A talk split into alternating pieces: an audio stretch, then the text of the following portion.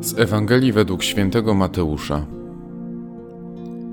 Jezus powiedział do swoich uczniów: Nie dawajcie psom tego, co święte, i nie rzucajcie swych pereł przed świnie, by ich nie podeptały nogami i obróciwszy się, nie poszarpały was samych. Wszystko więc, co byście chcieli, żeby wam ludzie czynili, i wy im czyńcie. Albowiem to jest istota prawa i proroków.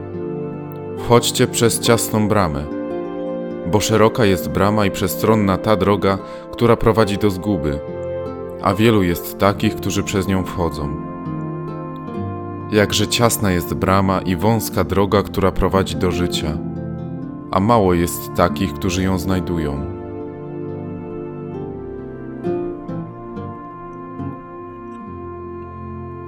Istotą prawa i proroków nie jest bycie porządnym człowiekiem. Nie jest nią także skrupulatne przestrzeganie wszystkich przykazań. Istotą Słowa Bożego jest wzajemna miłość i życzliwość między ludźmi i czynienie innym tego, co sami chcielibyśmy od innych otrzymać.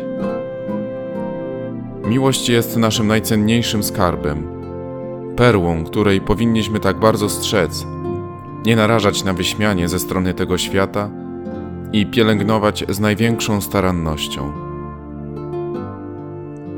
Tak wielu ludzi nie zna dziś smaku prawdziwej miłości.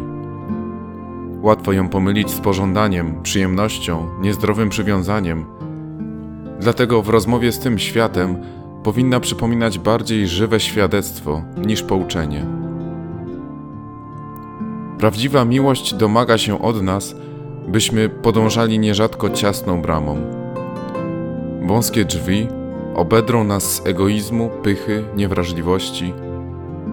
Miłość chrześcijańska tak bardzo smakuje i pociąga, bo zawsze wiąże się z jakąś ofiarą, ograniczeniem samowoli i nie przychodzi tak łatwo jak miłość tego świata. Lepiej smakuje potrawa, w którą włożyliśmy najlepsze składniki, najbardziej aromatyczne przyprawy, którą starannie i z pasją przygotowaliśmy, niż ta, którą wyciągam z zamrażarki i wkładam do mikrofali. Bez miłości nie będziemy chrześcijanami, nawet jeśli będziemy uchodzić za ludzi religijnych. Zakładając brodę i czerwone ubranie, nie będziemy świętymi Mikołajami, nawet jeśli wszyscy będą nas tak postrzegali. Smak prawdziwej miłości jest w Twoich rękach. Czy zawalczysz dziś o niego?